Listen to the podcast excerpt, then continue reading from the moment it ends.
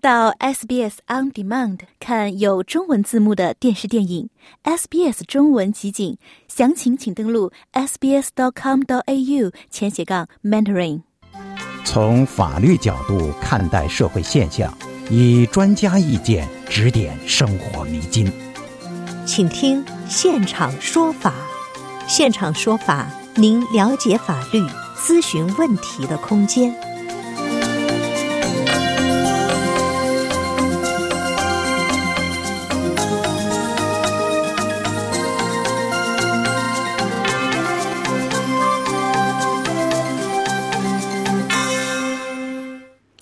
收听 SBS 找到家的感觉，听众朋友，您正在收听的是 SBS 普通话节目。接下来我们为您带来的是现场说法听众热线节目，我是海伦。最近几天啊，各大媒体有关 Optus 用户数据泄露事件的报道可谓是铺天盖地，吸引了无数民众的关注。在今天的现场说法听众热线节目当中呢，我们将邀请到。奥和绿业管理合伙人林慧明律师来聊一聊 Optus 用户数据泄露的话题。林律师将从本案出发，介绍一下数据保护和网络安全方面的法律法规，以及公司和用户各自应该承担的法律责任和理应拥有的法律权利。个人信息被盗究竟如何是好？欢迎您拨打热线电话一三零零七九九三二三一三零零七九九三二三参与节目咨询法律问题。好，首先让我们来连线本期节目的嘉宾林慧明律师。早上好，林律师。哎，林律师，您在吗？啊，好像我们这边的线路是有一点点的问题哈。哦，林律师回来了，您好，林律师，哎，欢迎林律师做客我们的节目哈。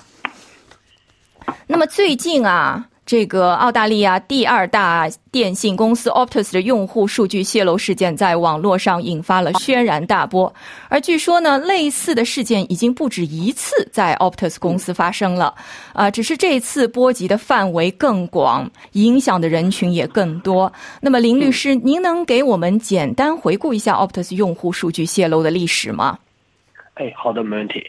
呃，其实这一次呢，像您说的，它已经不是第一次的信息事件泄露了。嗯，我们在二零零八年，包括二零一四年的时候，都相继爆出过 Optus 公司啊泄露了大量的数据，影响人数呢多达四十万人。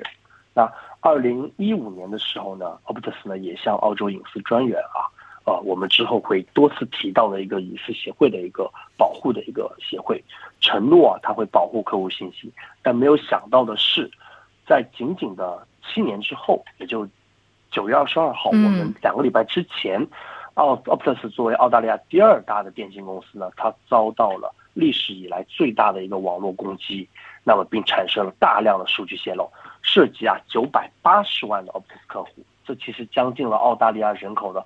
百分之四十，也被称为啊澳大利亚史上最大的数据泄露事件之一了，并且呢，他呢，奥布特斯也在二十九号终于确认，在这一次的被盗信息当中，还包括了三点七万个医疗保险 Medicare 的信息，也包括了，一直到呃我们上个周末，也包括了有将近这个无数个，现在还没有具体的一个数量的一个驾照信息，但是已经有多。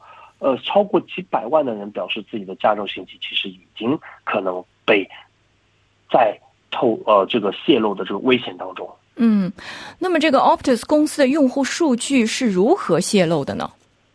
是的，感谢您的这个问题。我们都说 Optus 的应用程序这个接口啊，它不需要授权，也不需要验证，在使用过程当中。那么这也意味着，任何知道这个端点的人啊，都有可能从这个 API。来去呃应用程序接口当中来获取信息，那么也就是说，Optus 它在这个还没有确认黑客是如何截取信息的，但是呢，它却坚称是由复杂的攻攻击而导致的这个数据泄露。那我们的内政部长呢说，此次的数据泄露呢是由于 Optus 内部的一个漏洞。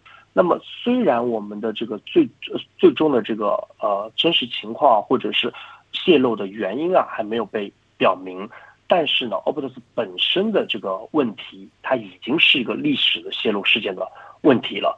呃，并且当这个应用程序接口不需要授权的时候，想要获取这些信息系统呢，并不难。那么，这当然现在这个接口已经下线了，但无疑这样的应用程序接口已然成为一个漏洞，去透露了。很多人的个人信息。嗯，由此可见，这个 Optus 公司在用户数据管理上确实是存在着很大的问题啊。那么现在我看到我们的这个已经有三位听众这个打进电话来了。我首先呢想要接听这一位叫呃徐先生啊。呃是，呃林林徐先生您在吗？哎，您好，早上好。啊，早上好。那个请教林律师哈。那个我们呀有产品呐，从这个国内哈，这个卖到澳洲，然后在在澳洲这边有代理商。那这个产品刚开始的游戏规则是，这个货从国内出来以前，他们先付五十个 percent，然后呢，这个他们将来把货卖掉以后，再把尾款五十 percent 那个还给我们，就是说付给我们。刚开始他有照这样做，但是后来呢，他现在不不打算再代理的。所以呢，他后来把这个货卖了以后，尾款呢五十 percent 就不付了。然后呢，他提出说，他在这边呢，这个卖的这个这几年之间的工资都要给我们扣了啊。还有比如说那个产品啊，放在什么地方啊，那那那个费用都要我们来付。那这样合理吗？如果想要跟他起诉，第一个这是债务呢，啊啊，或是用什么方式跟他这个起诉？第二个呢，这个是要打国际官司呢，或者在澳洲请这个律师来，好像说起诉就可以了。好，谢谢。哎，好的，没问题。谢谢您，徐先生，您的问题啊，您的问题呢，应该涉及到关于这个代理合同的这个问题，并且可能涉及到中澳这个跨境诉讼或者跨境纠纷解决的问题。嗯。那在当中呢，您提出了对方呢，他可能没有付尾款的百分之五十的一个原因是对方。呃，有时呃辩解说应该有工资啊或者存储的一些额外的费用应该在里面去扣除，那么这个可能就要回到两方面，一个是回到代理合同方面，看代理合同当中是否有约定工资跟一些存储的额外的费用应该被扣除。第二个呢，可以回到过往的商业，您跟他的商业实践当中，看在过往的商业实践当中，他是否也有扣除这些费用，如果二者皆无。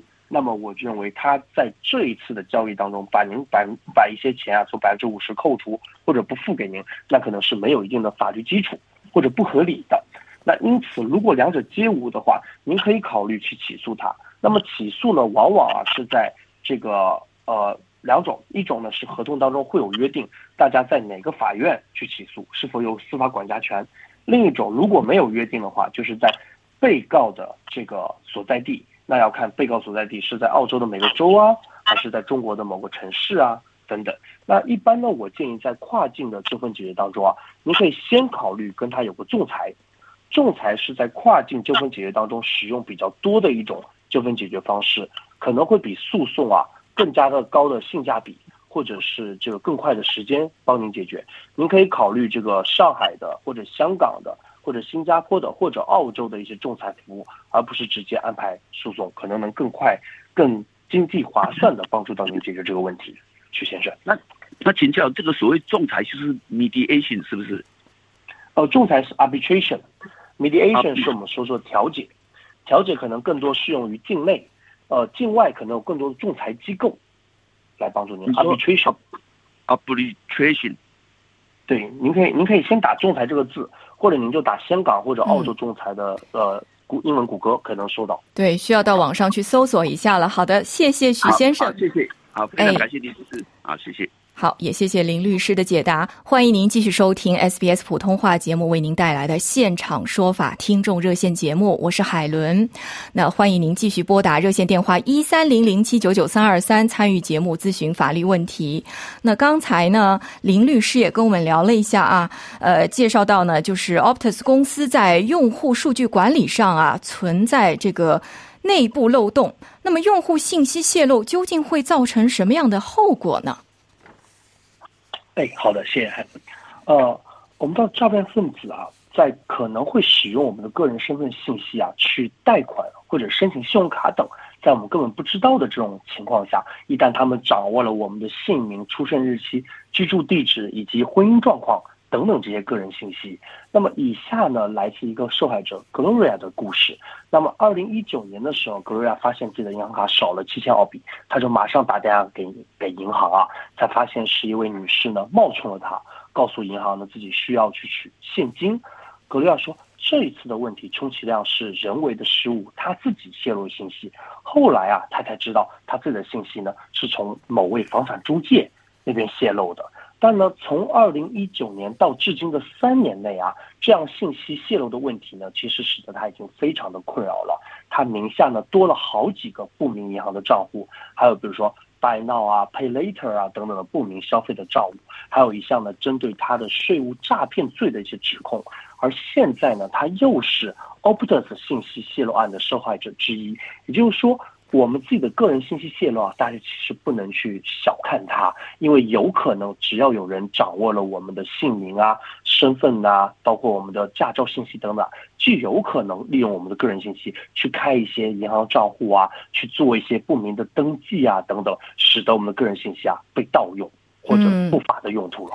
确实如此啊！除了对这个呃 Georgia 的经历深表同情之外，我也感到这个个人信息泄露似乎并非歧视啊！大家平时稍有不慎，可能就有可能会成为这个信息泄露的受害者。那么，听众朋友，您正在收听的是 SBS 普通话节目，每周二早上八点十五分为您播出的现场说法节目。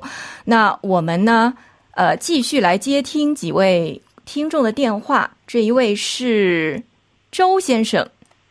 您好，周先生。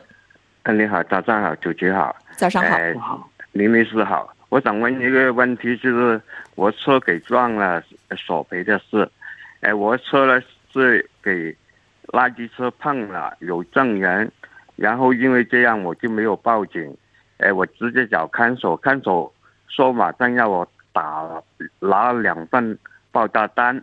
我拿了给他，但是过了几周，他回答我呢，说我们没有派车过那边，就算了。我现在想，我现在到警察局报警行不行呢？还是有什么手段可以对他索赔呢？哎，好的，谢谢您的问题啊。那首先呢，我认为您有以下几个步骤非常重要啊。第一，像您所说的报警，这非常重要，这是发生车祸之后的第一步。报警，先如果是严重的话，警方交警肯定会马上到。那如果不严重啊，交警也会在电话当中指引您怎么去解决这个呃这个车祸事故。那第二个呢，就是您的车辆或者您个人呢，可能已经产生了一些损害。那如果车辆有损害的，那麻烦您要安排这个修车和报保险，先有自己的保险公司。那当然，对方的保险公司我们要去理赔了。但是第二步，先是定损自己的车辆损失。第三步，那定损您自己。也就是说，您是否有身体的不适，您应该去及时的就医啊。这三步首先是非常重要。如果您个人有非常严重的这个，比如说不舒服啊，那您现场要马上去报警啊啊，不，抱歉，拨打救护车，拨打救护车。那么，呃，一旦这三步是现场您要做的，都做完之后，好了，我们安定下来了，那我们现在就要去沟通对方的保险事宜了。那 CTP 啊。也就是我们说第三方责任保险，那这是原则上是强制保险的。如果对方是有造成您人身的这个损失或者伤害的话，那对方呢是有义务要对您去做这样的第三方的这个强制险的。那第三方强制险，您直接是对应他的这个保险公司的。那么这样的保险公司会去定责是否您有一定的这个。呃，事故的这个责任，以及是否那辆垃圾处理车它有一定的车辆事故责任。如果那样的车辆事故车是有一定的责任的话，那您就可以主张您的损失，包括什么呢？包括您自己的个人人身的这个伤害，包括这个您的误工，包括您的这个伤害对您未来的工作可能会产生的影响，您都可以向他索赔的。嗯，好好好的，谢谢周先生。谢谢。哎，接下来这一位是张先生。呃，大家好。您好，张先生，早上好，请说。我有个问题，我已经报了警了。这个我这个 scan scan 啊 scan 啊啊诈骗啊。那么以后呢，对方呢用我的 license 啊去做外事犯法的事情，那么我有我有冇影响到我我们呢？因为我已经报了警了，我我把这个 license 的 card number 改了，这但是 license number 又不没有改，他因为他们说很难改的，而且要付钱的，所以我就不改，我就就改了这个 card number。那么以后有什么法法律的事情发生呢？给人家利用的，我们要不有有受到影响呢，还是没有？好的，谢谢您，张先生。呃，首先啊，我认为您的法律意识特别强啊，就是这个事件之后，您已经第一时间去呃处理一些证件的这个更新了。那么您的 ID number 呢，可能没有更改，但是您可能会注意到上面的有效期跟截止日其实已经发生了一些更改了啊。如果有必要的话，您也可以将这个联系地址啊。做一定的这个更改，那么对于一个普通的老百姓来说啊，其实您能做的，其实您已经在做的了。那么同时呢，您还可以去一些政府的网站啊，包括 Money Smart，包括 ID Care，包括 Do Not Call 这些政府，这是政府的网站，您可以在上面再去登记您的信息，那么有关部门呢就会知道，哎，您的信息呢其实已经发生了一些修改。包括 Do Not Call，您也可以去查呃去登记，也就是说有一些有一些不法机构或者通过这件事件拿到了你的电话或者个人信息，他们想打给您进行诈骗或者短信发给您进行诈骗。但 Do Not Call 呢是个很好的政府部门的一个电话呃这个未知来电或者垃圾来电的一个过滤的一个系统，它能帮您过滤掉一些呃不好的一些来电信息。所以这几点呢，我是认为您还可以再去申报的。那在之后呢，我会建议您再去各个银行啊，包括政府部门啊，甚至这个孩子或者学校单位啊，去再去更新自己的信息，因为呢。呃，不仅这个不法不不不法之徒啊，他可能会发送短信给您，那也可能会用您的信息啊伪装成号码发送给其他的相关关联方，可能您这个通知啊，我们可能会做到更全面的给到这个您身边的一些利益关联方，让他们也有一个警觉。但我认为您第一时间已经改了自己的身份 ID 了，这个特别好。那刚才我们所说的这几点，我们再去做到，希望能更好的保护到您的个人信息安全。好的，谢谢张先生。接下来这一位是呃陈先生，您好，陈先生。啊，你好，你好啊，早上好。早上好，请说。你好。啊啊呃，律师，早晨好。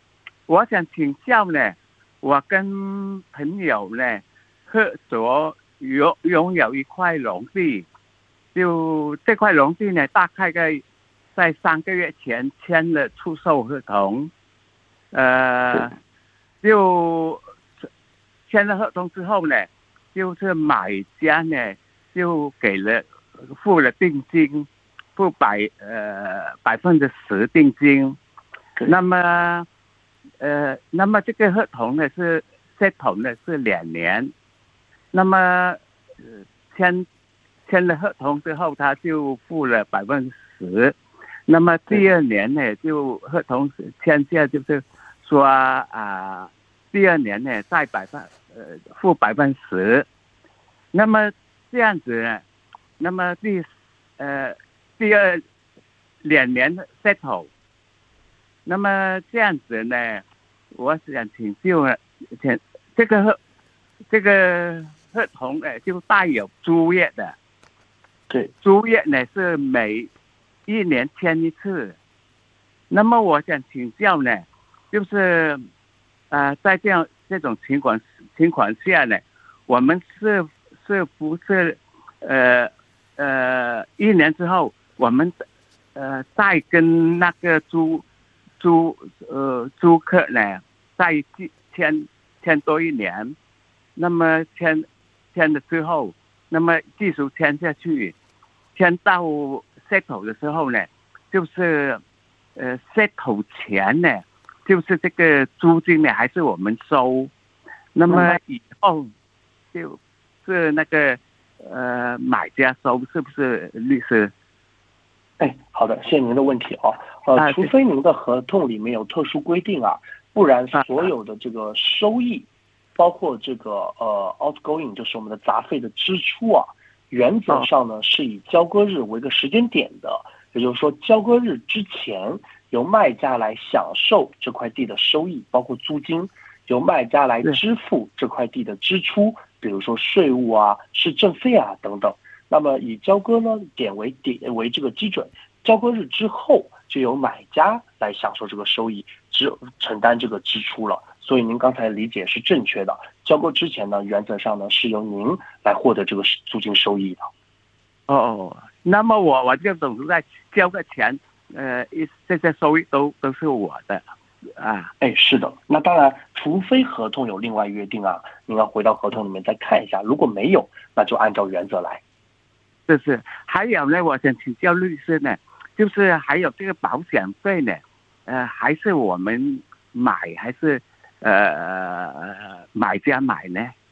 哎，好的，谢谢您的这个问题哦。这个问题是关于风险的转移啊。澳洲各个州呢，可能都会有不同的约定。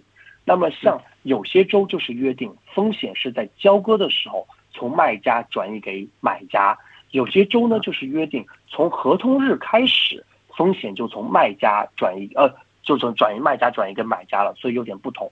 但是这里呢，我会认我会建议啊。您继续买，为什么？因为一年的保险的费用呢，可能不高，几百或者小几千，但是它带来的安全呢，可能更加更加的让人啊，就是有这个必要，以以以防万一嘛。那这种情况下呢，我会建议您呢，把它给买下去。就算风险已经转移给买家了，但假设发生一些天灾人祸啊，我们也不需要把所有的这个希望啊寄希望于买家，因为买家也是个体，万一他也承担不了呢？如果没有保险的话，保险公司也会继续的保护我们，所以会建议您啊，先继续买下去。特别是对于您这个两年的长交割，我会建议你要继续买下去哦。万一买家的经济状况发生一些变化的话，谢谢。好的，谢谢陈先生，谢谢呃律师，谢谢，谢谢。那接下来呢，我们会继续接听听众的电话。这一位是李先生，您好，李先生。呃，早上好。早上好，请说。想问一下，那个我替朋友问一下一个情况，就是我朋友现在有这个，嗯，CRO without conviction，就是如果在 CRO without conviction 的情况下，对生活有什么影响呢？或者对以后工作就业有什么影响呢？您说 CRO without condition？对对对。呃，非常抱歉，您可以再明示一下是哪方面的法律？是呃，conditional release，呃，release order without conviction。哦，您说的是关于家暴类的是吗？对对对。OK，好的，了解了。呃，首先啊，家暴类的，它是我再请问一下，您是在哪个州？呃，在新州。新州。好的，没问题，谢谢您。呃，首先呢，您可以我们用一个呃比喻啊来比喻这个 order 啊。这个 order 呢，它不是一个刑事的判例，它没有任何的犯罪证明。它在您在做 criminal check 的时候查不到任何的犯罪证明，它也不是一个刑事记录，它也不会有任何的这个报警的这个呃这个影响后果在里面啊。但是呢，它比您闯红灯要更严重一些，它也高于一个行政记录，它是一个民事的一个记录。这个民事记录呢，更多是对应这个保护人应该对他做一些应该 order 里面约定的事情。常见的有什么呢？常见的有。Good behavior，良好行为，常见的有不能联络、不能网络跟踪、不能靠近他的住所或者是工作场所等等，这是常见的 O 的内容。但是 without 呃呃 without admission 是什么意思呢？就是说我们认可这个 O 的本身，我们愿意接受这个判令里的这个条件，但是我们不愿意接受这个判令的背景事实。比如说，这个保护人告诉法庭，他打我了，他跟踪我了，他对我有性暴力等等，我不认这个事实，这个事实没有证人，也说不清楚了。但是我不想因为这些事实而浪费更多的司法成本，或者去解释，我又愿意接受这个判决，但是我不接受这个事实，这是一个选择。因此，consent without admission。是一个很多在家暴当中的一个选择，就帮助啊这个被告人去接受这个判令，但是不接受这个事实，但是没有任何的犯罪记录，但要注意的是，如果在违反这个 order 的里面的内容，比如说我又去跟踪了，又去破坏了一些良好行为，那这时候就会引发出犯罪行为了。也就是说，只要我不违反，就只是一个民事判决；但是我违反了，就是一个刑事刑事责任了。所以这是要注意的。所以对您对这个呃被告人啊，日常的不会有任何的影响，找工作啊、贷款不会有任何的影响。为什么考虑旦就是对工作没有影响？对对，找工作是没有影响的。但是如果雇主向您提出了这个问题，说，请问你身上有什么 order 吗？那就要如实的揭露了。如果不如实的揭露，那雇主就有可能因为隐瞒信息而去安排解雇了。好的，谢谢李先生的电话。哎，谢谢您。好的，那呃，林律师，我们再回到这个 Optus 用户数据泄露的话题啊。嗯，刚才呢，您也给我们介绍了很多，那我也很想其实了解一下，从澳大利亚的法律层面而言，啊，像 Optus 这样级别的公司在数据保护和网络安全方面需要遵循哪些法律和法规呢？哎，好的，谢谢您的问题。那么，呃，一九八八年的澳大利亚呢，它其实就颁布了这个隐私保护法。呃，这个保护法制的体系呢，也经历了多轮的修订和完善。嗯，我们比较现行的呢，我们有十三条澳洲的隐私原则。那么这样的隐私的原则呢，是适用于政府机构或者年营业额超过三百万的企业。当然，我认为呢，也是适用于 Optus 这样的大型的这个企业啊。这样的原则呢，是在保障客户隐私的同时呢，又不给机构或者企业去增加额外的一些负担。我们来看一下具体的是哪些十三个原则，比如说公开透明的管理个人信息，允许用户匿名或使用假名。征求用户同意之后才征集客户的信息，处理未征求用户同意取得的用户信息，通知用户其个人信息已经被收集、使用或披露个人信息，针对用户具体用户的这个信息啊进行直接营销，嗯，跨境披露个人信息，使用披露政府的相关信息，个人信息质量的这个收集，然后个人信息安全度的保障。获取个人信息和纠正个人信息，这十三点原则呢是适用于 Optus 这样的大型的这个机构的。但我们这样听下来啊，哎，会觉得这十三条原则，也会觉得个人在没有做一些没有征得个人同意的情况下，信息啊原来也会被同意和取得。这其实就引发了一定的这个争议，就是说我们的个人的隐私保护信息，包括原则，包括法律，是否应该更完善呢？嗯，好的，谢谢林律师的介绍。那我们这边再接听一位听众的电话，这位是何先生。喂，是我吗？哦，是何女士，不好意思。您好，何女士。你好，早上好，主持人好，啊，律师好，我想咨询一下关于呃遗嘱的问题，可以吗？嗯，当然。啊，我想问一下，情况是这样的，我爷爷呢几年前呢就过世了，那过世之前呢他就已经立了一个遗嘱，就说他有个房产在中国。那然后呢，他就说把这房产呢会平均分给他的四个子女。嗯，现在我有一个问题，就是想问说，因为可能是疫情的问题吧，房子一直没有卖掉。那我想问一下，嗯，我是其其中一个子女，我可以要求去把它卖掉吗？还是我可以有什么方法？哎，好的，谢谢您的问题哦。先请问一下，其他几个子女都是在中国是吗？呃，没有，两个。两个在中国，两个在澳洲。好的，但不动产是在中国。啊，对。哎，好的，您涉及到两方面啊，一方面是有纠纷，一方面是没有纠纷。如果没有纠纷的话，您可以提出来，然后征得几位的同意，然后一起有个委托书，再委托国内的某一方进行这个出售，然后根据遗嘱进行分配，这是比较简单的方式，就是无纠纷。如果是有纠纷了，就比较麻烦了，因为刚才听起来有三到四位这个。呃，遗嘱被继承人如果有纠纷了，可能有些人想在现在卖，有些人不想在现在卖。如果这种情况下，就可能需要在遗嘱这个不动产所在地的法院进行这个诉讼了，来达成一个最终的结果，来得到这个最终的这个卖与不卖的一个结果了。所以分为有纠纷跟无纠纷两种大的方向的处理方式。哦，好的，所以有纠纷就一定要在当地法院，就是要回中国，对吗？对，这个呢是比较高效能解决这个问题的方式。嗯，好的，好的，好的，非常感谢何女士的来电啊！但是呢，呃，我们的节目也要接近尾声了，听众朋友们，感谢您在清晨的陪伴，也非常感谢林律师做客今天的现场说法听众热线节目。由于法律问题复杂，因人而异，本节目仅供一般性参考，无意提供任何法律建议，具体还请咨询专业的律师。我是海伦，感谢您今天上午两小时的陪伴，明天同一时间我们再见。接下来是两个小时的中。文广东话节目，欢迎您继续收听。